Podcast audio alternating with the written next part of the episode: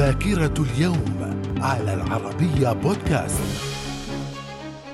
أهلا بكم ومن ذاكرة الثاني والعشرين من سبتمبر في العام 1862 الرئيس إبراهام لينكولن يعلن تحرير العبيد في الولايات المتحدة. وفي العام 1949 الاتحاد السوفيتي يفجر قنبلته الذرية الأولى. وفي العام 1952 انتخاب كميل شمعون رئيسا للجمهورية اللبنانية وذلك بعد أيام من استقالة الرئيس بشار الخوري تحت ضغط الشارع. من ذاكرة الثاني والعشرين من سبتمبر في العام 1956 عقد قمة ثلاثية في الدمام بالسعودية حضرها ملك السعودية سعود بن عبد العزيز آل سعود ورئيس مصر جمال عبد الناصر ورئيس سوريا شكر القوتلي وفي العام 1969 انعقاد مؤتمر قمة منظمة المؤتمر الإسلامي الذي دعا إليه ملك المغرب الحسن الثاني لبحث الآثار المترتبة على حريق المسجد الأقصى. وفي العام 1980 نشوب الحرب بين العراق وإيران والتي استمرت ثماني سنوات وعرفت باسم حرب الخليج الأولى.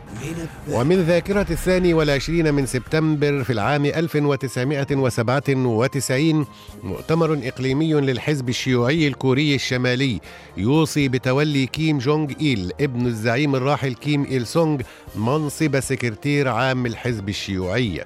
وفي العام 2009 وزيرة خارجية بلغاريا السابقة إيرينا بوكوفا تفوز بمنصب مدير منظمة الأمم المتحدة للتربية والثقافة والعلوم اليونسكو عقب منافسة حادة مع منافسها الوحيد وزير الثقافة المصري فاروق حسني. من مواليد الثاني والعشرين من سبتمبر في العام 1515 الملكة آن من كليفز الزوجة الرابعة لهنري الثامن ملك إنجلترا. وفي العام 1906 ولدت إلسي كوخ حارسة سجن النازية فتكت بالمعتقلين اليهود وأعداء النازية. وفي العام 1976 ولد رونالدو لاعب كرة القدم البرازيلي. في الثاني والعشرين من سبتمبر من العام 1520 توفي السلطان سليم الأول السلطان العثماني التاسع.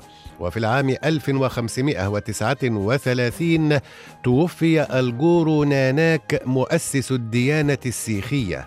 ومن أعياد الثاني والعشرين من سبتمبر عيد الاستقلال في مالي ويحتفل أيضا في الثاني والعشرين من سبتمبر بالأيام الخالية من السيارات في العالم. إلى اللقاء. من الذاكرة من الذاكرة.